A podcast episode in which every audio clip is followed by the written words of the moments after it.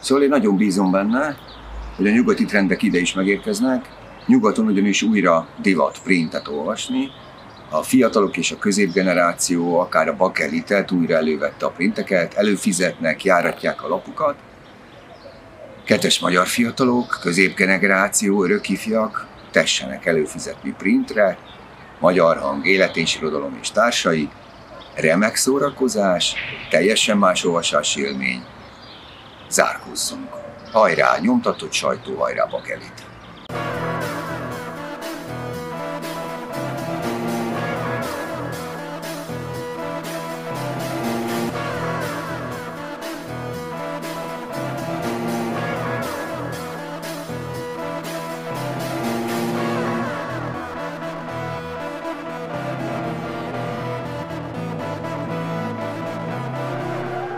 Üdvözletem! Kötött fogás, méghozzá Csintalan Sándorral, Jó napot, magyarok! Lejhert Jánossal, Adj Isten! Konok Péterrel Jó estét kívánok! és Balogh Gáborral. Szép jó estét. Te voltál már? Kötött fogásban, vagy csak flaszterből ültél? Csak flaszterban voltam, kötött fogásra még nem. Akkor üdv. Számomra szerencse. Az majd kiderül. És itt az új magyar hang, ami mindannyiunknak viszont szerencse. Gyöngyösi Mártonnal van interjúnk, nem ő van a címlapon, azt mindjárt mondom azt is, de a Gyöngyösi Márton képzétek azt mondta, hogy lemondok, ha nem lesz LP képviselünk, mármint a Jobbiknak. Na most ahhoz képest, hogy valamikor ilyen 2-3 százalékra mérik a Jobbikot, lehet, hogy ez itten a búcsú pillanata. Ezen kívül van egy riportunk, a Békés megyéről beszélgettünk, ugye, hogy kiürül Békés megye a múltkori adásban. Mm, És hát Tontos Ádám kollégám meg készített egy remek riportot Békés megyéből, ről, hogy akkor mi is ott a helyzet. És a szokásos jó kis publicisztikák, Budai hangmellékletünk van, és a címlapon pedig Elritók Nóra és Lakner Zoltán. Mintha mindenkinek megrecsent volna az élete, hogy is élünk most, arról beszélgettek. És továbbra sincs keresztrejtvény. Nincs, és nem is lesz. Van helyette március 15, meg nagy gondolatok. Én végignéztem az összes besz... Na jó, az hülyeség. Az összeset nem, de várjál, azért majd nem, nem volt rossz a felhozat, mert megnéztem Orbánt élőben, aztán megnéztem Gyurcsány Ferencnek a beszédét, aztán a Mi Hazánk mozgalom beszédét is, és még Karácsony Gergelyt is. Nagyon kemény vagy. Mondtam is, hogy szarul nézol ki. és a mi hazánkot hagytam a végére. Na de Orbán, Orbán engem meglepett. Ugye az a furcsa szituáció állt elő, hogy Orbán Viktor Petőfi Sándor szülőházánál szinte majdnem csak Petőfi Sándorról beszélt, ami teljesen váratlan fordulat, de hogy, hogy tényleg, hogy annyira furcsa a világ, hogy elkezdtem így azon gondolkodni, hogy most akkor kavarja vagy nem kavarja, ahogy Rejtő Jenő írta, hogy, mert hogy Orbán nem csak, szokott csak úgy bármit úgy véletlenül spontán, hanem hogy akkor ennek mi a jelentése. És mit szóltak ahhoz a megfejtéshez, hogy, hogy azért azt lehetett tudni, hogy az ellenzék a március 15-ét azt az ellenzéki szónokok nem fogják kihagyni, mint lehetőséget, és hát eléggé harcias szellemben szóltak valóban. Viszonylag keveset az ünnepről, annál többet a erről, és hogy ebben a közegben Orbán Viktornak ez, a, ahogy Tompas Ádám kollégám írta, a magyar szakos vidéki iskolai igazgató stílusában előadott szónoklata, az kiemelkedett úgymond. Tehát, mint, mint, mintha ő így teremtette volna meg a békét. Vagy ez már ilyen nagyon túlkombinálása, és már olyankor is túlagyaljuk a dolgokat, amikor nincs is mögötte semmi. Gonosz leszek, tehát az egyik, hogy azért mondta ezt, mert nem tudott mit mondani. Tehát az aktuális helyzet ennyire csak súlyos, hogy arról nem mert mondani semmit, mert olyan, mint az angol száz jogban, hogy a felhasználható maga ellen, tehát én most nem mondott semmit. Erre jó volt Petőfi, mert különben szerintem, ha valami nem érdekli Orbán Viktort, akkor az Petőfi Sándor személyisége, de ez csak zárójelben. Ami engem sokkal jobban érdekelt volna, akár március 15-től függetlenül is, hogy mit csinált a francia elnökkel, és mit csinál most a török elnökkel. Erről nem volt szó, szép dolog az ünnep, de ez a két lépés szerintem most sokkal fontosabb nekünk a francia meg a török kapcsolat. Mondjuk egy március 15-i ünnepségen kicsit meglepő lett volna, hogyha erről beszél, de én is úgy érzem, hogy... De pont, hogy nem. Tehát, hogy Hát jó, az azzal is meg lehetett volna lepni minket, de meg megúszós beszéd volt ez, igen, nem Petőfiről beszélt egyébként, hanem a, a, NER ideológia fejében élő Petőfi képről, amit eléggé szépen leírt, tehát Petőfi egy olyan ember, aki mindig rendesen megteszi a kötelességét, amit a haza akar tőle, ugye magyarnak lenni kötelesség, mondta Orbán Viktor, ami engem egy kicsit meglepett, mert eddig valahogy úgy voltam vele, hogy opció és önként vállalt lehetőség. Petőfi lelkesen megy tulajdonképpen Orbán Viktor narratívájában a vágóhídra, tehát megöletni magát a hazáért, és ezt Orbán Viktor kifejtette, hogy tulajdonképpen ezt mindenkitől, sőt, még mint erre utalt volna, hogy magától is elvárja adott esetben, vagy illetve ő maguktól, mert hogy ugye e, többes szám első szemében uralkodói többesben beszélt. E, ha, ha ez a Piszkos Freddy verzió jött volna be, akkor arra lehetne gyanakodni, hogy ugye Orbán Viktor most meg akarja utáltatni velünk valamiért Petőfit, hiszen elkezdte vadul szeretni. E, most én úgy érzem, hogy igen, ez a beszéd egy kicsit arról szól, nem Petőfiről nyilvánvalóan, Petőfiről majd Petőfi film fog szólni, amit majd jövőre látni fogunk a születésének 101. évfordulóján. 101. 201. évfordulóján, igen.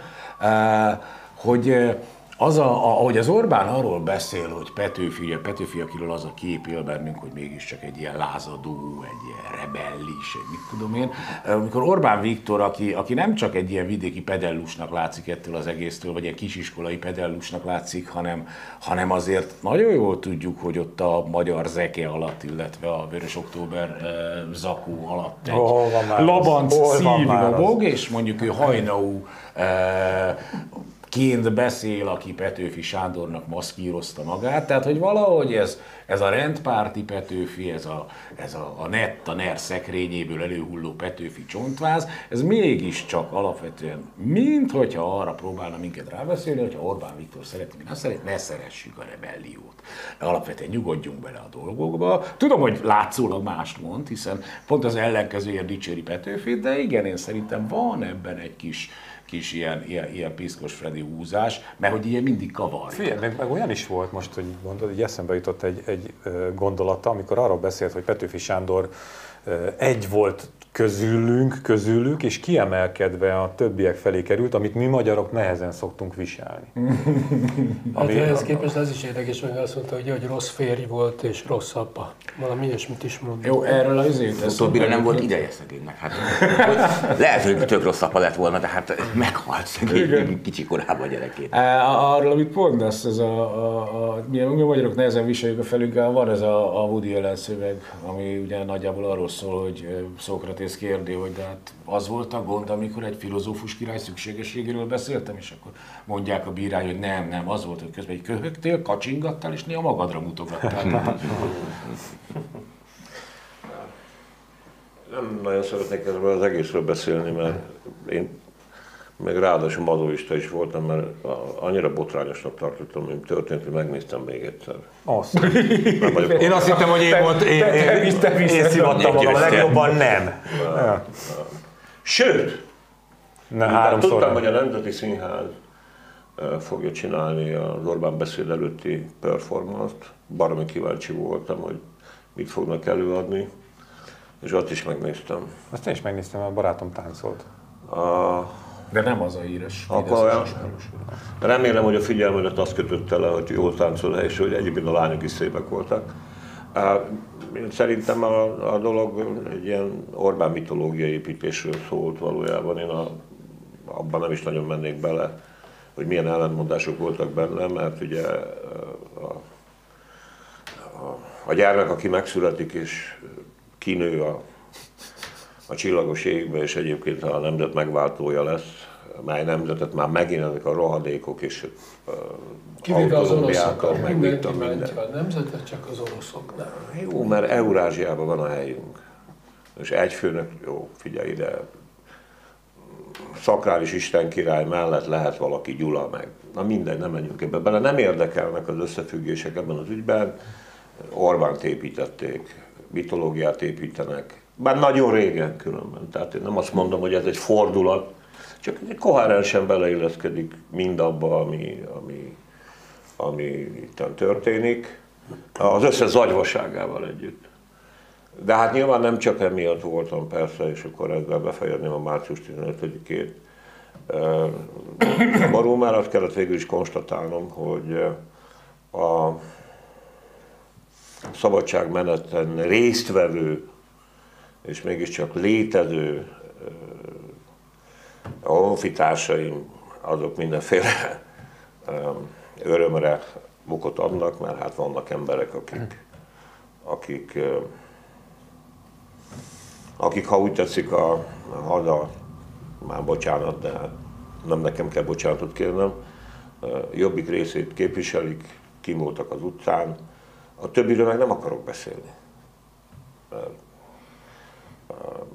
Március 15-e mégiscsak, bár én a kommunizmusban éltem meg március 15 ünnepségeket, de hát ahogy ezt már néhányszor elmondtam, valószínűleg mindig a rendkívüli helyen tartózkodtam, és az én iskoláim olyan rendkívülek voltak az Ibolyán túli sugárzás miatt, hogy vannak na, emócióim erről a dologról, meg ideáim, és nem tudok szabadulni az ideáimtól, úgyhogy méltatlannak értem magamhoz, hogy most abba belemenjek, hogy ki mit mondott és miért. De igazából a János megfejtéséhez állok közel. Az egyik verzió az, hogy Orbán Viktor arra ébredt 15-én reggel, hogy alázatot tanúsít a történelmi múltunk iránt, és nem fogja aktuál politikai búsitekkel telerakni a beszédét, összetépte, kidobta és megnyitotta a lelkét mindannyiunk előtt, és beszélt végül is Petőfi Sándorról, és az összes ellentmondásával együtt, ha megnézed az eddigi ünnepi beszédeit, mondjuk az elmúlt 15-20 évben, akkor még mindig, miután nem beszélt, keveset beszélt arról, amit gondol, ezért nem is volt olyan rossz az a része, amit neki megírtak. Hát azt nyilván nem ő találta ezt ki.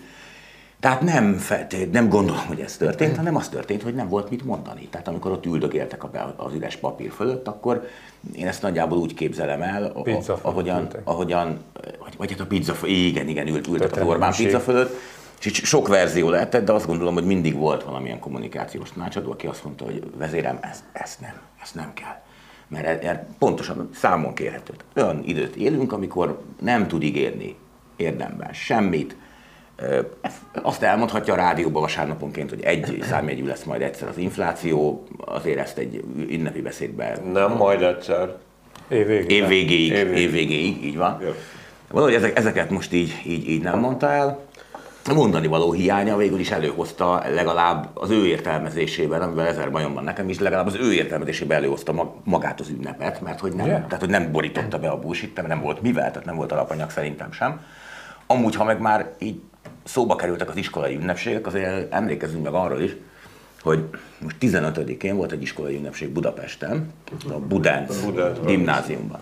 Na most ugye itt kettő előadásnak kellett volna elhangozni, a kicsi a terem, mindig meg kell ismételni, mindenki részt tudja venni. Egy előadásnak kétszer. Tehát, Ugyanaz az előadás kétszer lett volna, de csak egyszer ment le, mert igazgató úr úgy döntött, hogy túl sok politikai áthallás van benne. Egy. És De az túl sok. Na egy, most egy, egyet említett meg, ugye ő azt mondta, hogy ha mindet elmondaná, akkor értelmetlenné válna a letiltás, tehát ő ilyen, ilyen következetes cenzor volt. Azért ez milyen erős mondat, amikor, amikor ezt így bevállalott tényleg, Aha. tehát az a vödör szart az arcodra lentesz azzal, hogy ezt így elmondott, hogy, hogy igen, vállalom, hogy tényleg azért tiltottam be. De ami igazán szomorú, hogy a leg, valószínűleg a legerősebbet próbálta szegény kiemelni, Persze. ami ő szerint a legerősebb, hogy mindenkit meggyőzzön, hogy indokolt volt az intézkedés, azt mondta, hogy az Akasszátok fel a királyokat című vers hangzott el, és erről mindenki Orbánra gondolt volna szerinte. Na most, rögtön két észrevétlen van, még egy eszembe jutott. Egyrészt szerintem ez Petőfi egyik legrosszabb verse, én nagyon nem szeretem, nem is szavaltatnám gyerekekkel, na de azért. Március 15 az a sajtószabadság ünnepe, meg a szólásszabadság. Tehát az, hogy eszébe jut egy embernek, hogy ezen a napon, bármelyiken, az 364 másik napon is elég gáz, hogy ezen a napon kitaláld, hogy te letiltasz egy iskolai ünnepséget, mert elhangzik benne egy egyébként tankönyvekben tanított vers, azért az elég erős. A másik pedig az, hogy ugye hát mélységes érzetétől áthatva döntött az igazgató úr, úgy azt mondta, hogy ha ez még egyszer elhangzik, akkor az iskolának vége. Igen. Mondta úgy, hogy majd egyébként elmondta, hogy szerinte az Akasszátok fel a királyok című költeményről szerinte mindenkinek Orbán Viktor jut eszébe. Igen, hát Még lábon is lőtte magát a szerencsétlen, mert ő szerint erről mindenkinek Orbán jut eszébe, hogy őt kéne felakasztani. De ez Tehát a beszari azért... hangulat, ez van? Tehát erről, hát erről sokat szoktunk beszélgetni, ez, ez, a proaktívság nyalás, ugye, hogy, hogy már azt is megcsinálod, amit egyébként baromira nem várna el tőled senki. Egyrészt, másrészt meg ad, ugyanakkor meg ami, ami rosszabb, hogy az is benne van, hogy, hogy ha én azt gondolom, hogy itt valami olyan történik, ami a hatalomnak nem tetszik, biztos lesz valaki, aki ezt megsúgja a hatalomnak. De ráadásul az a vicc az egészben, hogy, hogy ez, ez, ez, én visszatérni látom ebben egyébként a kádárkori mentalitást, ahol igen, Petőfi kurvára áthallásosnak számított, nagyon óckodtak a március 15-éktől, ugye egyébként csak iskolai szünnap volt, mindenki hogy beleillesztették ebbe a forradalmi ifjúsági napokba, Ó, és igen. akkor összepasszították március 21-ével. Eh, én egyébként szerettem az akasztádok fel a királyokat című versek, nem arról van szó, de, de, de tényleg, hát ha belegondolunk, hogyha a, a a történelmi nyersanyagot veszük, csak a dokumentumokat, amik közismertek és állandóan idézettek, akkor mi az, amit egy iskolai ünnepélyen ma fel lehet úgy olvasni azok közül, hogy ne legyen átvallásos? Anya, 12 pontot? Hát jó, azt nem, tart, nem tartjuk a, a forradalmat. Csak oda kell írni, hogy legyen béke. Így De azt nem kell odaírni, hogy szabadság és, és egyetértés, igen. Tehát benne van az, hogy legyen béke. Amíg az nem rossz szabadságharcot úgy meghirdetni, nem, hogy legyen béke. Igazából nem, tényleg így hirdették, meg ott volt tényleg, csak ott volt benne, hogy mondod, ott volt benne, hogy legyen szabadság, meg egyetértés. Egyébként szabadság és egyetértés, ez a feladat. Igen, de azért van benne van, hogy legyen béke, de én azon rögtem magamban, hogy azért az valóban tök felesleges mondjuk például leírni, hogy kívánjuk a cenzúra eltörlését, mert hát Magyarországon nincs cenzúra, tehát ezt akkor nem, nem szabad leírni. Megmondta az emet Péter, üzé, Szilárd is. Béla. Jaj, de szellemes vagy nem. nem, csak írtál nekem se, Demeter Ervin az beugrott. Na szóval a Demeter Szilárd, ugye, aki kijelentette, hogy a jövőben a, nemzetközi könyvünnepekre kiküldött a rendnek kikülde, kiküldeni szándékozott, a kiadók által kiküldeni szándékozott könyveket alkotmányossági szempontból vizsgálni fogják alaptörvényi szempontból. Egyébként nem kell az iskolai igazgatót lebecsülni, egyszerűen lehet, hogy látnok, vagy benfentes. És hát tegyük hozzá, hogy pontosan... Mert hogy, hogy miért is? Vagy tedd hozzá, Janika. Helyettem tedd hozzá. Azért, mert hónapok óta meg vannak félemlítve. Az összes. Tehát a, a látnok? Nem, nem az igazgató. Mondom, lehet, hogy látnok, vagy benfentes mert jobban szoktam röhögni azon, amikor ezek a kis apróságok előkerülnek, vagy csak ilyen villanásszerűen, mintha dinasztia alapítási szándékai lennének a vezírnek, és ez az igazgató jól tájékozott. Igen, vagy azt akartam, hogy, Visz... hogy van ez a, hallottál valamit? Igen.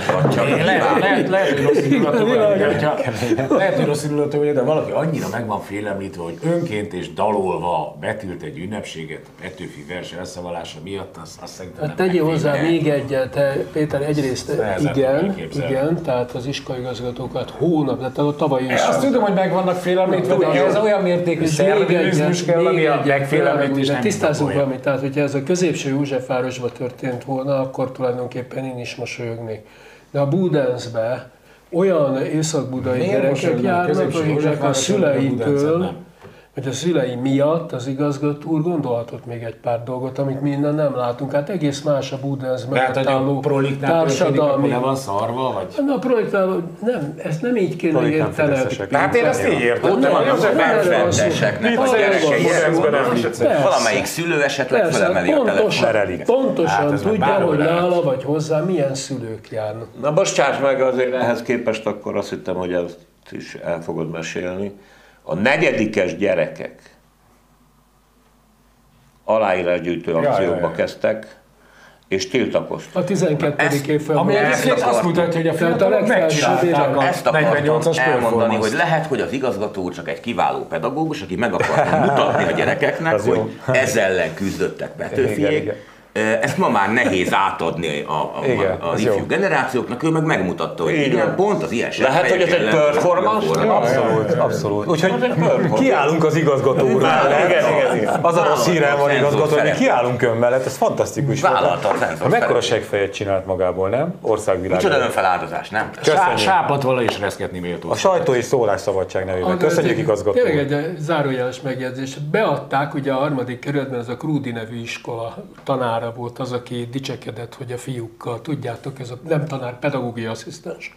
Rémlik, ja, ugye ja, két ja, hete ja, volt ez a baj. Simán közzétette a Fidesz sajtó, nem tudom hogy a tankeret igazgatót menesztették. Csak zárójelben mondom, nem menesztették, jó, mindenki tudja. De beadták, hogy össze. És két dolog érdekes, hogy egy, hogy azért annyira nem volt probléma, a tankerületi igazgató biztos valamiért megfelel valahol. A másik, hogy ugyanakkor nyilván még a tankerületi igazgatók is tudhatják, hogy akár meg pillanatban meneszthetők. Viszont, Tehát a félelem ott lakik a rendszerben. Viszont, ahogy olvastam, a, hát ugye látni nem láttam a darabot, amit a ünnepi előadást, de például a belga is megszólal benne, a, magyar, vagy a nemzeti hip-hop, meg valami zene is van benne, hát meg, a meg egész szövegek. Úgyhogy ha valakinek megvan, én ezt úgy megnézném ezt a fel. Szerintem ez egy jó, jó előadás lehetett, vagy egy izgalmas előadás lehetett. Na de. Érdemes lenne megkérni az adott osztályt, hogy adják elő valahol. Hát valaki szivárogtassa már ki, úgyis arra készültek, nem az igazgató úr szerint. Szóval. Világháború, az van nekem ideírva, hogy világháború. Hát az még nincs, vagy reméljük, hogy nem is lesz. Akkor következő Bizonyos értelemben van. Nem, hogy azt figyelem mostanában, és én azért gondoltam, hogy Orbán Viktor majd azért valamit próbál ebben a nemzeti, vagy a március 15-i beszédében ebből a háborús retorikából is becsempészni, csak aztán közben rájöttem, hogy, hogy ő igazából mégiscsak a béke retorikáját nyomatja, miközben a háború retorikáját de nyomatja. De nagyon, nagyon, jó, de azért, tehát a, a, ugye Sanyi is megnézte, én is megnéztem a darabot, ott azért az egy ilyen jó karcsörtetős néptáncos produkció volt, most utána kijönni és akkor arról beszélni, hogy béke, meg az oroszokat valahogy nem belevenni, nem egyszerű feladat valóban mint azon az Orbáni beszéd. De hogy közben meg a, a maga a háborús retorika az egyre erősebb Orbánnál. Ugye múlt héten beszélt arról, hogy készülni kell, és a légópincés régi Kormány tudásunkat valahogy, igen. Most itt van ez a, a gazdasági program is, hogy a, a háborús gazdasági programot is majd, hogy ha háború esetén mi felkészültek leszünk, erről is beszélt a miniszterelnök hogy egyre erősebb. Na most a kérdés az, hogy ez csak egy ilyen sima politikai trükk, fogás, hogy meglegyen a legújabb szorító erő a, a népen, úgymond, kommunikációsan, most akkor rettegünk ettől, vagy pedig valóban, hát erre megy a világ, és hát nem is bajtaná, hogyha készülünk. A kettő hát nem szerint... zárja ki egymást. Szerintem a, a, ez egy kizárólag kommunikációs trükk, tehát az ország háborúra alkalmatlan, a kiadott kormányrendelet az, semmi újat nem tartalmazott. Több az, az, az országháborúra alkalmatlan. Őszintén remélem, igen. Ezt a támadó féle eldönti. Hát, erről beszéltek, mi, mi, mi miattunk nem lesz háború, átmennek rajtunk, mint a 44-es bombú, ugye a német tábornok, hogy mennyi ideig tart Magyarországot elfoglalni, attól függ, hogy békés vagy háborús körülmények között.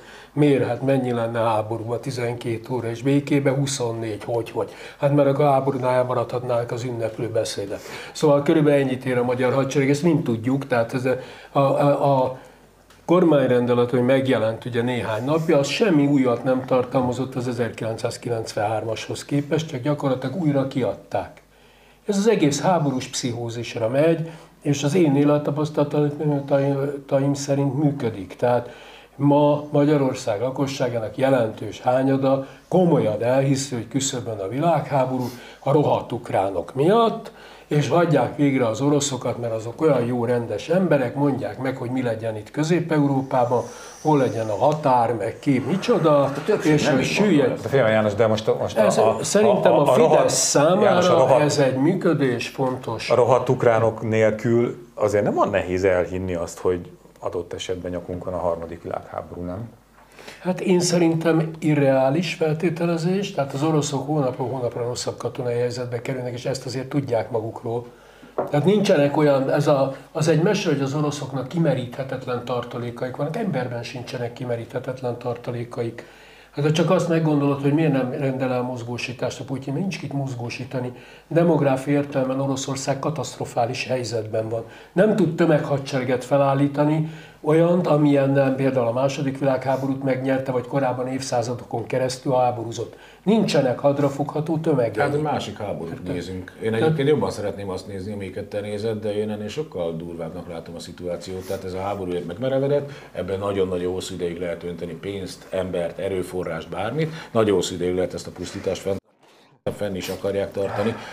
Én egyáltalán nem látom egyébként lehetetlennek azt, hogy világháború lesz. Per pillanat úgy gondolom, hogy egyébként világháború van már viszonylag hosszú ideje, csak hát egy ilyen izé, hideg világháború, vagy nem, nem hideg, ilyen langyos világháború folyik, ami egyelőre csak bizonyos helyekre van lokalizálva, nagyon remélem, hogy így is marad, vagy ez is meg fog szűnni. De az Orbáni kommunikáció igazából ettől szerintem független, ő belemanőverezte magát egy ilyen jelentés, ilyen szemantikai csapdába tulajdonképpen, ilyen Orwellibe egyébként, hogy ő állandóan a békéről beszél, de ugyanakkor a háborúról is beszél. Ez a kettő nem elválasztható. Háború egyelő béke, a békét béke, akarsz készülni a háborúra. Tehát, hogy így e, valamilyen módon meg kell ugornia ezt a, ezt a problémát, és egyébként nem csak az Orbán beszél erről, én a, a mi hazánk, tehát a Torockainak a március 15-i beszédében éreztem ugyanezt a, a, a problémát, és ott például egy huszárvágással van ez ugye felülütve, bizonyos értelemben, mert ugye a Torockai nagyjából, nagyjából, oké, okay, nagyjából, uh,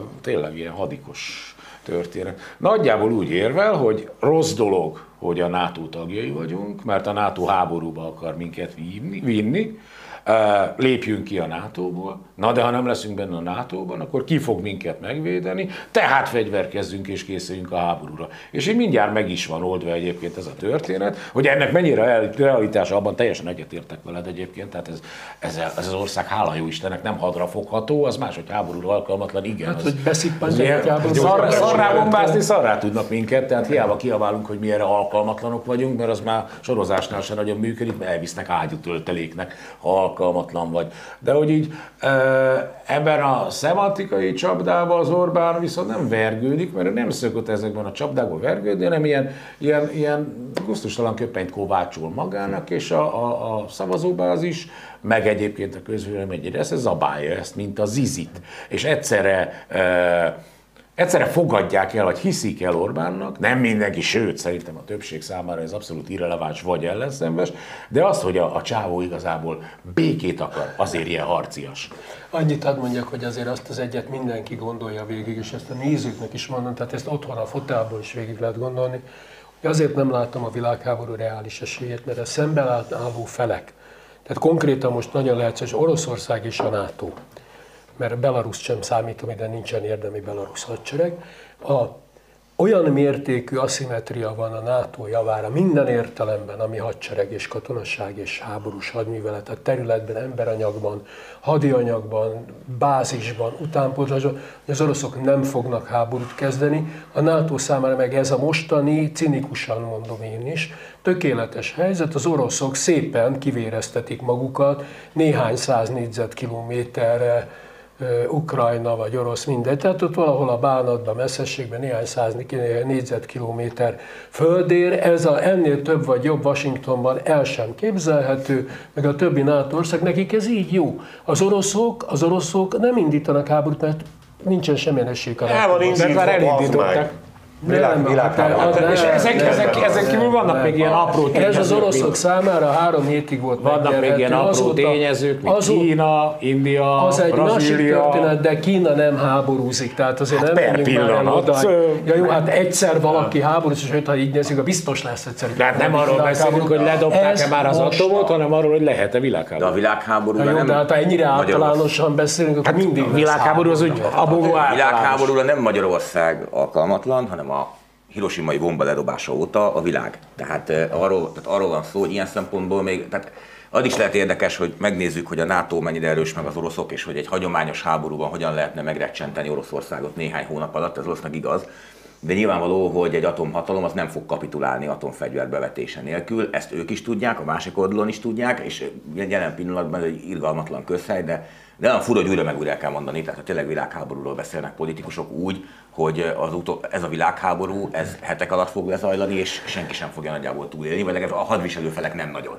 Na most e, ilyen nincs, tehát ez nyilván ennek azért nincs reális veszélye, e, ezt én is így gondolom. Azt mondjuk én nem látom, hogy, hogy, hogy az oroszok napról napra rosszabb helyzetben lennének. Beállt ez a történet, beáraszták, nyugaton is beáraszták egyébként nyilván, de nem is tudnak sokkal többet tenni, mert most jelen pillanatban én azt látom, hogy ez egy olyan háború, amit, amit sem az oroszok, sem az ukránok nem tudnak sem elveszteni, sem megnyerni. Az oroszok maguknak nem engedhetik meg a teljes vereséget. A ukránoknak önerőből nincs is erejük ahhoz, hogy egy ennyivel nagyobb országot tönkreverjenek. Még annyi erejük sincs, hogy azt visszafoglalják, amit elvettek tőlük önerőből. A nyugat meg nem fog katonailag beavatkozni ebbe a konfliktusba, mármint közvetlenül, akkor lenne világháború. Az a furcsa, hogy Orbán Viktor akkor egyébként ezt prognosztizálja, mert erről beszél ugye, hogy, hogy pillanatokra vagyunk attól, hogy csapatokat is küldjön a, a, a Nyugat-Ukrajnába. Tehát az, az egy világháborúval egyenértékű, és Ez ugye a ilyet a világot, ilyen nincs olyan felelőstető, aki ezt megteszi, csak ebből az is következik, a dolog másik fele, az is következik, hogy ez a háború baromira el fog húzódni, és, és sajnos még az is majdnem mindegy, hogy milyen demográfiai helyzetben van Oroszország, mert Ukrajna legalább olyan rossz demográfiai helyzetben van, és a, az általános mozgósítás viszont szerintem még benne van a pakliban, hogy azt még Putyin elrendeli, és e, tök mindegy, mekkora demográfiai bajban van egy ország, ha ilyen nagy. Tehát baromi sok embert oda tud még rakni a darálóba, hát látszik, hogy gyakorlatilag azt egy, azt egy húsdarálónak tekinti Putyin, tehát az ember élet az nem, értéke nem sokat változott az első és a második világháború óta az orosz katonai gondolkodásban. Ilyen szempontból, ilyen szempontból azt gondolom, hogy, hogy az, el, az elhúzódás a legreálisabb, mert, mert egyik fél sem fog engedheti meg magának a vereséget. Az ukránok persze a hazájuk miatt nem engedhetik meg, de a mögöttük állók, akik támogatják őket, sem fogják. Hát a nyugat nem engedheti meg, hogy Ukrajna beomoljon teljesen. Annyi támogatást mindig fognak kapni, de annyit meg nem tudnak kapni, hogy tönkreverjék az oroszokat. Ez a, ez, ez, ez a feszültség, ez a ez a borzalom ebben az egészben. Pont ez a lényeg. Ez a borzalom ebben az egészben. Igen, igen, igen. Pont az a lényeg, Mindig ott határon fogják az a lényeg, hogy ez az egész helyzet De nem is tudják, mi- mi- ha- ha minden nem akarnák érdekelt fél határon tartani számára aki ebből profitál. Egyébként Putyin nem a demográfia miatt nem tud általános mozgósítást elrendelni, per pillanat még társadalomban nem meri meglépni. Az, az háború az nem népszerű Oroszországban, tehát bármit mondjon ugye a nyugati média erről, hogy az oroszok 70%-a támogatja, ez rohadtul nem igaz. Ez egyébként elég nem a hivatalos orosz forrásokat olvasni. Az általános mozgósításról ugye Putyin két dolgot, egyrészt ugye eh, onnantól kezdve ezt már nem lehet ez egy speciális hadműveletnek nevezni, egy általános mozgósítás háború. Jó napot kívánok, nem mintha a neveken olyan sok minden múlna, de azért Oroszországban ennek még egyébként olyan szempontból van hatása, hogy eh, propaganda szempontjából ugye a háború az egy más minőséget képvisel. Másrészt pedig, pedig egyszerűen fél az ellenállásra, ezzel rengeteg olyan hírt lehetett olvasni, rengeteget, tehát sokat, hogyha az ember odafigyelt, hogy milyen problémák vannak, ugye lelövik a sorozó tiszteket, tömeges dezertálás, ellenállás, felrobbantanak most már ilyen izékat, ilyen sorozó irodákat, stb. stb. stb. Oroszországban. A Putyin ilyen értelemben borotva élen táncol. Azt nem tudom, hogy az Zelenszky azon táncol egyébként, mert az ilyen híreket Ukrajnából is lehet hallani, tehát ott se akar mindenki a frontra menni és Bakhmutot az utolsó csepp véréig védeni, de Oroszországban ez teljesen egyértelmű. A kölcsönös elrettentése, illetve hát az atom fenyegetés, mint a háború megakadályozása, értem, amit mondasz, meg hát mindig is erre volt alapozva egyébként, hogy miért kell az atombomba, tulajdonképpen abszurd módon akár atombomba sem kellett volna, csak a tudat, hogy van. Tehát igazából leszerelhették volna szép csöndben az összeset. A kölcsönös elrettentésnél ez működik. Én azért egyrészt nem vagyok meggyőzve arról, hogy az atomfegyverek azért vannak, hogy ne lehessen őket bevetni, bár mondom, van egy ilyen ideológiai alátámasztása, másrészt, ha pedig vannak, akkor engem nem nyugtat meg az. Tehát így eh, logikailag teljesen igazad van, ki az, az nincs olyan ember valószínűleg, vagy tényleg csak a, a hollywoodi filmek főgonosza, aki meg akarja semmisíteni a bolygót, az emberiséget. Ilyen ember nincs. De azért csak azt látom, hogy mégis egy rakás pszichopata irányítja a világot, és hogyha azért tudom, hogy nem úgy, néz ki, a, nem úgy néz ki a piros gomb, hogy megnyomod akar. és robban. Jó, hát erre a Dr. Strangelove megadta a választ, vagy lemegyünk a bunkerba, ezért ráadásul több lesz a nő, mint a férfi, állatokat fogunk ott mészárolni, és baromi jól fogjuk érezni magunkat, és kalpoly kalapunkat lengetjük a bombán ülve. Tehát így eh, nem, nem mondom, hogy ez a legvalószínűbb forgatók. Én az atomháborúban én sem hiszek, mármint olyan értelemben nem, nem igazán attól tartok. Én úgy gondolom, hogy a háborút lehet eszkalálni, sajnos, már sajnos atom nélkül is, tehát hogy nem kell az atom ahhoz, hogy a háború eszkalálódjon. És ha kifúj ez a háború. Tehát tényleg nem lehet tovább támogatni. Én, én azt látom, hogy egy kicsit, ké, kicsit jócskán késleltetve, de elképzelhetőnek tartok egy ilyen eszkalációs hadbalépést. Ahol egyébként az elején arra gyanakodtam, és ezzel nem álltam teljesen egyedül, aztán nem lett igazunk, hogy uh, amikor megindult az orosz támadás, hogy Kína azonnal lépni fog és annektálja Tajvant, kihasználva ezt a lehetőséget, még nem, még nem történt meg. Nagyon-nagyon nagy potenciálok vannak még ott, akik még csak ilyen távolról vesznek részt a játékban, meg így belesnek a tábla fölött. De azért Kína egy baromi nagy beleső, és mindig elfeledkezünk róla, India egy baromi nagy beleső. Azért ez nagyon érdekes ez befutatás, ott az orosz-ukrán háborúra indultunk, és most már ott tartunk, hogy Kína miatt lesz-e, vagy Kína kirobbantja a harmadik Kína a világháborút. sötét ló? Jó, ezt a kérdést bizonyos szempontból értem, de azért én lehet, hogy tyúkeszőjük visszatérnék egy percre az orosz-ukrán háború, az meg ahhoz a Majd én is szeretnék visszatérni.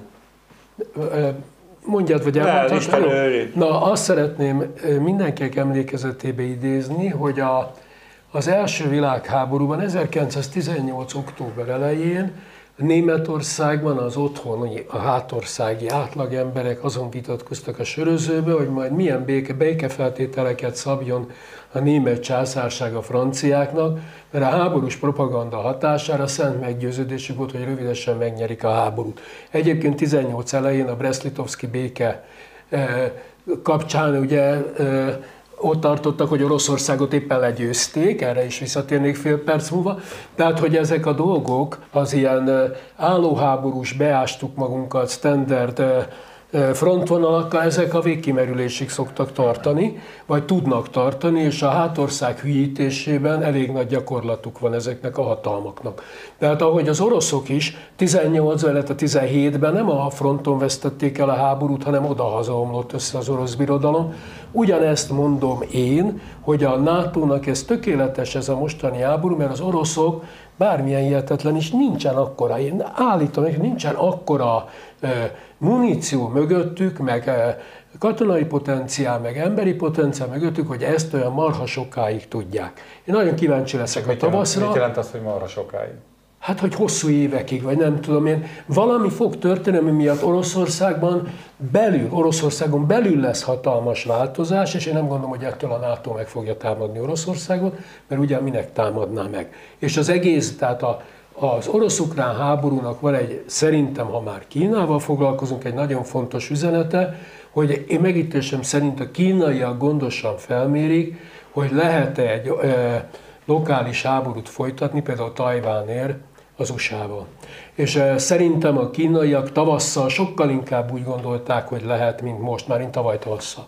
Tehát én szerintem ez így, ahogy most megy, e, borzasztó, de a NATO-nak jó, a NATO-nak minden egyes nap meg hét erősödést jelent, ha tavasszal a ukrán hadsereget ugye fölfegyverzik modernebb fegyverekkel, még nem is az ultramodern, csak a nagyon modern fegyverekkel, akkor az oroszok nagyon nagy bajba lesznek. Én azt hittem egyébként február 24-e körül, hogy most majd az évforduló kapcsán Putyin megmutatja meg ugye az a valami a hadsereg napja, vagy mi a fene február 23, ugye az ott a vörös hadsereg napja, tehát ugye az ott még ilyen régi reminiszenciák szerint is izé lenne, ott volt a Volgográdi vagy Stalingrádi csata évforduló.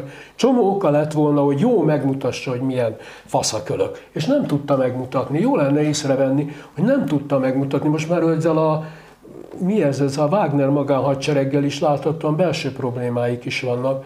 Tehát már az orosz ha katonai vezetés nem tud mit kezdeni ezzel a magánvállalkozóval, ahogy Sándor szokta mondani. Tehát én egyáltalán gondolom, hogy Oroszország olyan baromi félelmetes, meg olyan baromi nem tudom én micsoda volna. Elcseszték, a három hét alatt kellett volna megnyerniük. Most már nem tudják. Mert szerintem az egyik fontos dolog az, hogy nem nagyon egy kicsit jobban kéne használni a fantáziánkat, tehát eh, akkor, amikor azt mondjuk például, hogy milyen aszimmetrikus a viszony a NATO és Oroszország között, nem az a kérdés, hogy erről mit gondolunk, és hogy ez így van-e. A kérdés az az, hogy az orosz birodalmi döntéshozók mit akarnak, és mi van az ő fejükbe. Tetszik tudni? Ha egyébként ebből a premisszából indultak volna ki, amiket itt emlegetünk, akkor ez a támadás nem jön létre. Hát nyilvánvalóan kiderült, hogy totál félreértettek mindent. Tehát semmi nem volt igaz. Miközben az ember azt gondolná, hogy ott élnek az ukránokkal testvéri viszonyban, és feltételezték ugye azt, hogy pillanatok alatt legyalogolják Ukrajnát. Meg hogy majd úgy fogadják őket, mint a valami felszabadító hadsereg. Mert volt, hogy ezt a pozitív képet sugalta a titkosszolgálat Putyinnak, ezt akarta hallani. Az egész história a, tele van tévedésekkel és az erő rossz felmérésével. Ebből adódóan én azt gondolom, hogy egyetlen esetben nem lesz világháború. Abban az esetben, hogyha az oroszok itt veszítenek. A birodalom veszít. És egy időre, megint egy időre, mert ennek a birodalomnak a lényege a terjeszkedés és a gyarmatosítás, amióta van, és Ukrajnát vissza akarta szerezni. és hogyha minden olyan esetben, minden olyan esetben, amiben valamilyen mértékig tudja a sikert maximalizálni, tehát ennek a háborús agressziónak a, ból a saját értelmezése szerint győztesen kerül ki, akkor nem lesz megállás. De ez mit jelent, hogy a birodalom veszít? Tehát, hogy, hogy a, igen, ez mit jelent? Hát az, hogy uh, Ukrajna területi szuverenitása vissza. Hmm. Tehát Ukrajna visszanyeri a szuverenitását, területi szuverenitását. Lehet mondjuk a Krim nélkül. Tudom én. Tehát azt, hogy az ukránok mit gondolnak arról, hogy nekik mi megfelelő ebben a helyzetben, ezt én nem tudom elképzelni. Nem is az én dolgom. De mondjuk ezt az egyszerű helyzetet fölismerni szerintem nem bonyolult. Ha és amennyiben tudják az oroszok és akarják is folytatni, aminek persze vannak korlátai, hát egy 17 millió négyzetkilométeres ország, és én Kínát csak egy szempontból szeretném szóba hozni, az, hogy itt most Ugye itt van, ami nagy vezetőnk elmondta a pávatánc lényegét, hogy nem arra kell figyelni, hogy ki mit mond, hanem hogy mit történik. Szóval azért Oroszország és Kína. Ez egy, az egy érdekes történet, és nem a Tájván szempontjából. Egyrészt volt már orosz-kínai háború, másrészt meg szerintem a, a kínaiaknak a nagy hozadéka most egyébként az oroszok gyengülése. Hát azért ott van Szibéria. De ezt most tegyük félre. Ez az egyik dolog. Ez az egyik dolog. A másik dolog az az, ami most a mi szempontunkból szerintem lényegesebb az az, hogy az Orbán a káoszra játszik, a zavarosból akar halászni. Ő az én felfogásom szerint megint csak, most már eltelt egy év, elmondott mindent és annak az ellenkezőit. Ezen mindig élvezkedünk, hogy hol békéről beszél, hol erről beszél, hol arról beszél. Ekközben azért, ami a tény. Ahol tud, a maga kompetencia szintjén belül, ott tesz keresbe a védelemnek, a NATO-nak, az Uniónak, a megtámadottnak, ott tesz keretbe, ahol tud. Abban a kompetencia szintben. A vétóval, és egyébként ki akarja használni ezt az egész helyzetet a belpolitikai építkezésre. Ez a lényeg. Neki. Ez az egyik dolog. A másik, azért most már ismernünk kéne Orbán Viktor ha zavaros a helyzet, és nagyon keveset foglalkozunk azzal a kérdéssel, hogy mikor is zavaros a helyzet, akkor zavaros a helyzet adott esetben, amire ő játszik és számít, hiszen az az egyik ereje, hogy, mert hát azért az orosz birodalom belpolitikai helyzete azért más, mert ott azért erőből lehet jönni, és ha 15 évet lehet kapni azért, hogy valaki háborút emleget, azért ott azért elég sajátos a helyzet. És hogyha, amiről szintén elfelejtkezünk, hogy ez, nem, ez a háború nem a Putyin mániája. Ma már azért magyar nyelven is elérhető forrásokból lehet tudni, hogy az orosz elit az eurázsiai birodalomban gondolkodik. Eurázsiai küldetésben gondolkodik. Oroszország centrummal. Na most, Orbán mással sincs elfoglalva, mint azzal, hogy a politikai mozgásterét bővítse mozgástér bővítéssel van elfoglalva.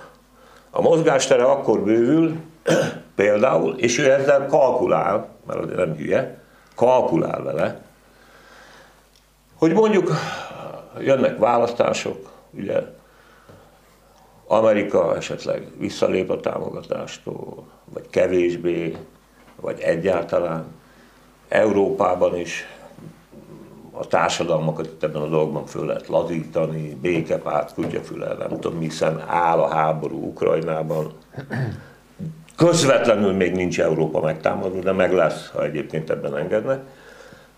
Akkor bizony kialakulhat egy olyan polgárháborús helyzet Ukrajnában, mondjuk esetleg az oroszok, az ukránok tényleg veszítenek. Mi van akkor is? Ő ezzel számol. És úgy számol, hogy veszíteni fognak. Bármilyen hülyén is hangzik mert meggyengül a támogatás, nem lesz elég. elgyengülnek, elgyengül a NATO népe és a Unió népe. És akkor lehet majd csak igazán a zavarosba halászni. Ezért csinálja. És ez mit jelent? Mi lesz akkor Orbán Viktor? Ha az ukrajnai polgárháborúban, meg a háborús helyzetben veszélyt fogja fenyegetni, az akkor már talán ország, nagyon ország. Ő erre játszik, nem másra. Erre. képzelni. Erre, amúgy meg ráadásul ez a birodalmi eurázsiai izé, unió neki nagyon tetszik. Ez abszolút adekvát számára, legalábbis úgy gondolja. Egy dolgot elfelejtenek, amit én ismerőseim körében szok, nekem is vannak fideszes ismerőseim. Az akik ilyen izék, még ráadásul, hogy hívják, hogy drága barátaim, az a helyzet, hogy titeket, ha ide jön az orosz, kibasznak az ablakon. Egyébként meg, meg valam, nem, nem, nem jegyezte meg, valamelyik tévében vagy rádióban megszólaltattak egy, egy fickót, magyar üzletember, aki évtizedek óta ott él, nem tudom én, tehát ilyen nagyon közelről, belülről, nem, Ukrajnában, nem ismeri Oroszországban? Ö, Oroszország, Moszkvába. Uh-huh. És nagyon érdekeseket mondott, és azt is mondta például, hogy, hogy, hogy mennyire, neki mennyire furcsa onnan nézni a Európának így a próbálkozását, hogy valamit kezdjen ezzel az orosz mentalitással, gondolkodással, miközben ő azt tapasztalja maga körül, hogy az oroszok például a második világháború kapcsán azon, azon bánkódnak, azon szomorkodnak, miért álltak meg Berlinnél. És hogy, hogy ez, ez bennük Stalin van ez a gondolkodás, és hogy, hogy ez, ez csak nekünk van furcsa, nem? Tehát amit most Sanyi is mondasz de- erről a, de gondold- de a gondold- eurázsiai valamiről, de basszus, tényleg, tényleg milyen- így Pisti, de gondolkodnak. tudod, mi ebben a rémes? Hogy azért azt a nemzetünk nagyjai, intellektuális nagyjai, Itt ülünk. évek óta nyomják ezt az Eurázsia Dumát, nagyságos, mit Máriával az élen. Hát szerelmesek belé. Hát a keleti nyitás, igen. De ne, ne, ne, ne, ne, ne, ne. Ezt az eurázsiai izét baszt meg, hogy a német-orosz kiegyezés milyen baromi fontos lenne, és a kontinens békéjét hozhatná, ami egyébként igaz. Csak hogy ebben a német-orosz kapcsolatban egyedül a németek szembesültek azzal, amivel szembesültek, aztán ahogy szembesültek, hát ez volt a program, én nem akarom fikálni Merkelt. Ö, Tényleg egy esély volt az, hogy a kereskedelemmel meg lehet a kontinens békét teremteni, és bizniszeljünk, éljen, virágodik szárvilág. De az oroszok nem ezek. Az oroszok abban a pillanatban, hogy erős pozíciójában érezték magukat, meglépték azt, amit belső kényszerből, mert kifelé erősek, de belül gyengék. Hát itt elkezdtük sorolni, erről sose esik szó. Hát a börtönökből hozzák ki az embereket. És azért van ott egy olyan polit- belpolitikai válság, ami hát bizony majd, hogy nem fegyveres. Na de mondjuk attól boldogabb lennék, ha Oroszországban polgárháború lenne? Hát nem. Nem. Hoz, hozzuk majd, de, de majd mond csak. Csak egyetlen az mondatot akartam. De- de mondd meg, Nagyon de- ide illik. Jó. Bismarcknak a bölcsessége volt. Azt hiszem, aki azt mondta, hogy Oroszország sohasem olyan gyenge, mint ellenségei látják, és sohasem olyan erős, mint maga álmodja. hiszem, így van. Tehát ez, egy, ez, ez, ez, ez, az örök, ez pulzál itt legalább 150 éve Közép-Európában. Szegény Bismarck is megpróbálta a Merkeli bravúrt, a három császár szövetség által meg. Nem. Nem. Nem jött. Na, hozzuk be ide a finn-svéd NATO csatlakozást, mert hova hoznánk be, ugye, ha nem ide hoznánk be, hogy jut eszembe a mi hazánknál, ugye az volt a március 15-i üzenet, hogy meg, meg, kell, meg kell akadályozni a NATO bővítését. Ez volt kiírva. Így. De ha ki akarunk lépni, akkor pilvax előtt. mindegy. Ö, Mert azt mondják, hogy ki kell lépni, akkor nem túl gondolod mindegy. ez, ezeket az üzeneteket, nem kell, úgy néz rájuk, mint egy rendes, igazi mi hazánk szavazóna. Tudod, hogy kell. Na, én- csak, hogy, tehát, hogy, hogy, hogy ö, ö, ugye most megint van egy kis húzás, halasztás ebben a történetben, mármint magyar részről, pedig hát a delegációnk az kiment, és megnyugodva tapasztalta a finn és svéd viszonyokat, ugye? De hogy, hogy, hogy most megint, megint nem szavazzuk meg még egyelőre, majd valamikor a parlament talán tavasszal, de közben történnek itt dolgok, vagy legalábbis úgy gondolja az ember, hogy úgy véli tudni, mint hogyha történnének. Itt, itt van az, hogy, hogy Amerika itt, itt most mozog ebben az ügy, magyar ügyben, nem? Tehát azért egy Eszenszi Géza is azt mondta, hogy az, amikor a nagykövetet hazarendelik megbeszélni, hogy nem Amerikában menjen haza megbeszélni a magyar dolgokat, az már egy szint, az már valami, az nem történik bármikor. Na erre büszke Orbán és sok hülye magyar. Hát de az jó, csak az sok hülye magyarnak azt talán nem mondjuk el, ez most nagyon szarul hangzott, mondjuk el, sok hülye magyar nélkül, hogy, hogy á, diplomáciai körök szerint ilyen akkor történik, mikor az adott ország, tehát a nagykövetet hazarendelik, való viszonyban radikális változás, radikális lépésre kerül sor, hogy ezt a gyönyörű kifejezést végre életemben először elmondhassam. Szerintem... De, és, és, és, és, és, és, még utána azt is hozzátették, hogy, hogy a Macron elnökkel való találkozóról a francia diplomácia napok előtte még nem tudott. Szerintem Orbán se tudott, és hogy itt van egy olyan történet, hogy na, ugye az már nagyon bonyolult, meg már azt nem is nagyon lehet előtámaszt, alátámasztani, hogy nem véletlenek ezek, a, a, amik itt történnek, franciák meg fogják kapni a... Jó, bocsánat, hát most nem lehet másként mondani, lehet másként mondani, most így sikerült. Hogy a franciák is meg fogják kapni ebből a maguk részét, Amerika pedig szeretné, hogy akkor most már itt ez a magyar, nem csak tötyörgés, ami a NATO bővítéssel kapcsolatban van, hanem az a retorika, NATO ellenes retorika. Amerika, hát Amerika lett lassan az év első számú közben, majdnem felnőtt Brüsszelhez ellenség hát frontján, hogy ennek legyen vége, ennek legyen vége, hogy mindezek a dolgok ez, ezt jelentik. Azt szeretném mondani, hogy visszaértünk a legelső körhöz, hogy a, az a kérdés, hogy mit csinált Párizsban és mit csinált most Isztambulban Orbán Viktor. Mind a két helyen ez a kérdés volt. Nyilvánvaló Isztambulban ő meg tudhatta, vagy gondolom neki talán azért megmondták becsülettel, hogy mikor fogják el, el megszavazni a finn és a svéd csatlakozást. Nyilván abba, Orbán abból levonja saját magára a következtetést.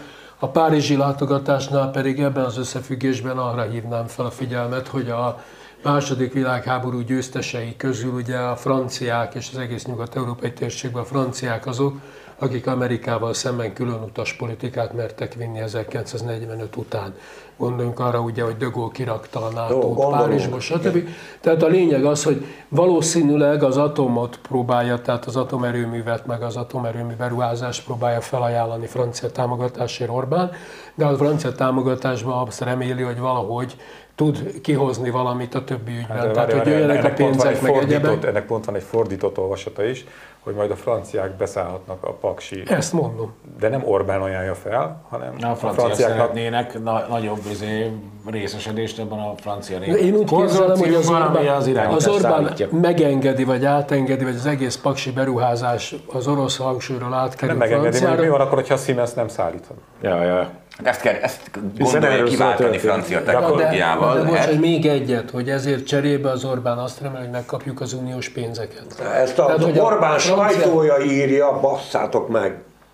Azért nem vagyok abban olyan halál biztos, hogy ebben az ügyben például a német-francia tenger nem működik. Tehát az nem egy ilyen, eh, ezt a remény, ez itten egy vágyvezérelt gondolkodás. Én ezen az alapon azt sem tartom kizártnak, hogy a Macron ehhez hozzá se fog szólni, mert egyelőre passzírozni akarják. Most kezdünk, én úgy fogom fel ezt a dolgot, hogy elkezdünk fizetni. Politikai, és ha úgy tetszik, bizonyos értelemben gazdasági értelemben is, mindazért, amit elkövetünk a szövetségeseinkkel szemben. Úgyhogy a, a, a finn svéd integráció meg szerintem abban az értelemben napirend csak, hogy, hogy milyen gyorsan leszünk kénytelmek ezt, eh, amit én támogatok természetesen, mert ezzel az orosz birodalom eh, való viszonyban a NATO-ra égető szüksége van, az európai, kelet-európai kisnépeknek különösképpen, ha csak nem akarnak a ruszki mírben élni.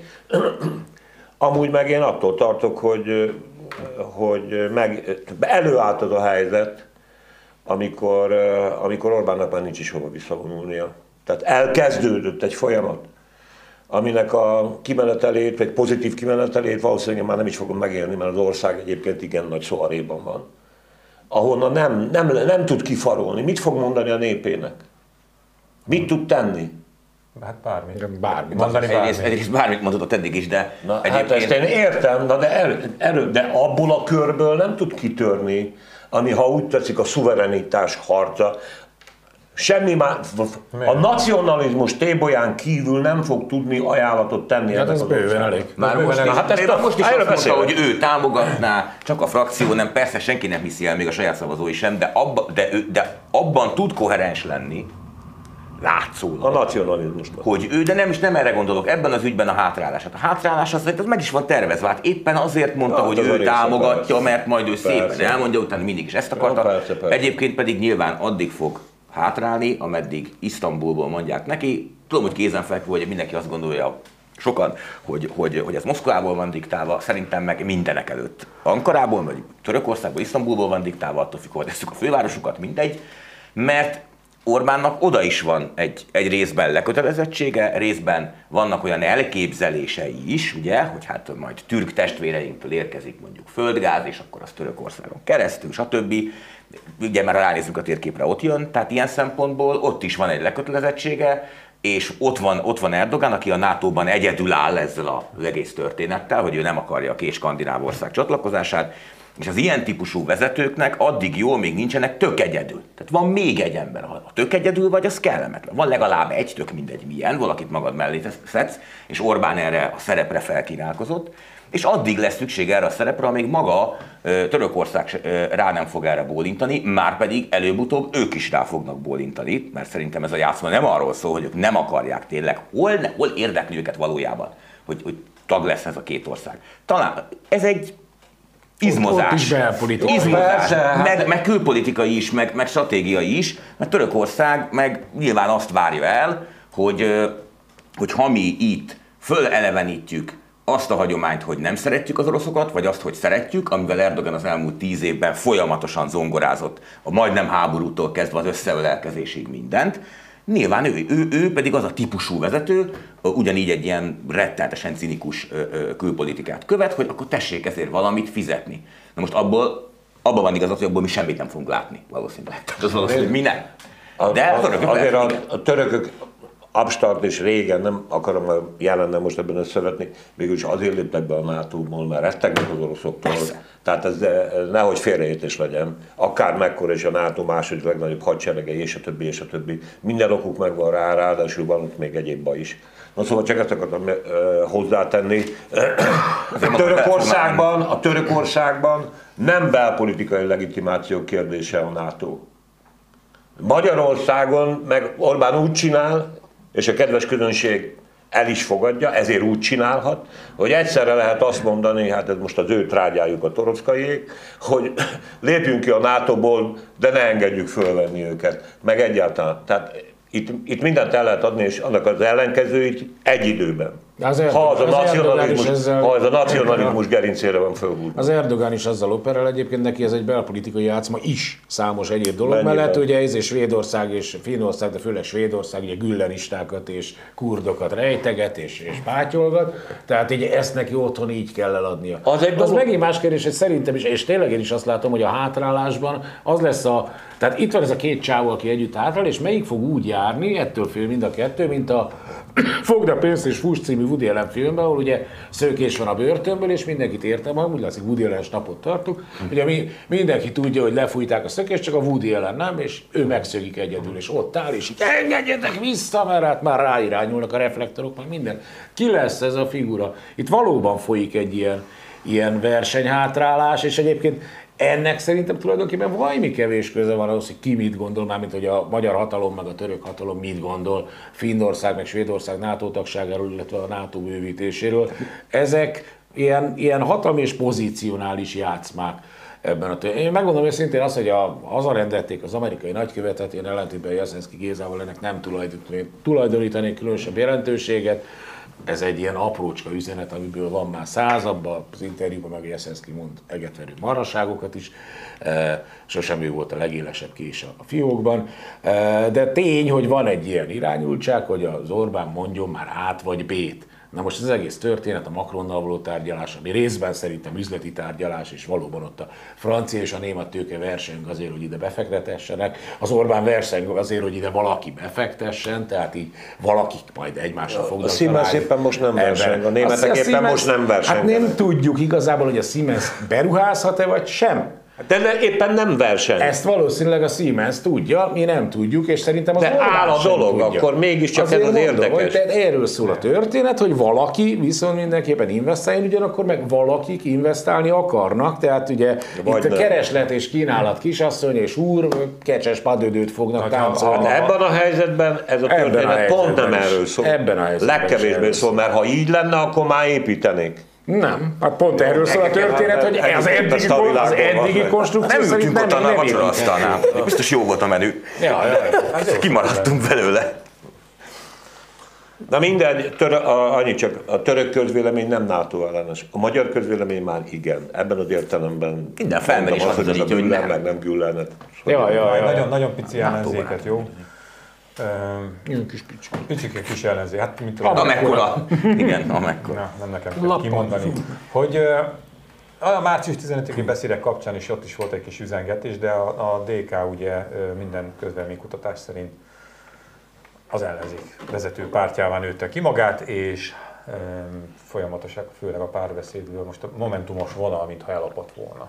De most a párbeszédből így jönnek újabb és újabb figurák, Ma ami szerintem csak a, a, a marketing felszín, mert igazából ugye ez nem hoz, de szavazókat, de azt mutatja, hogy a DK-nak van egy ilyen ereje. Felé gravitálnak ezek a fajsúlyos képviselők.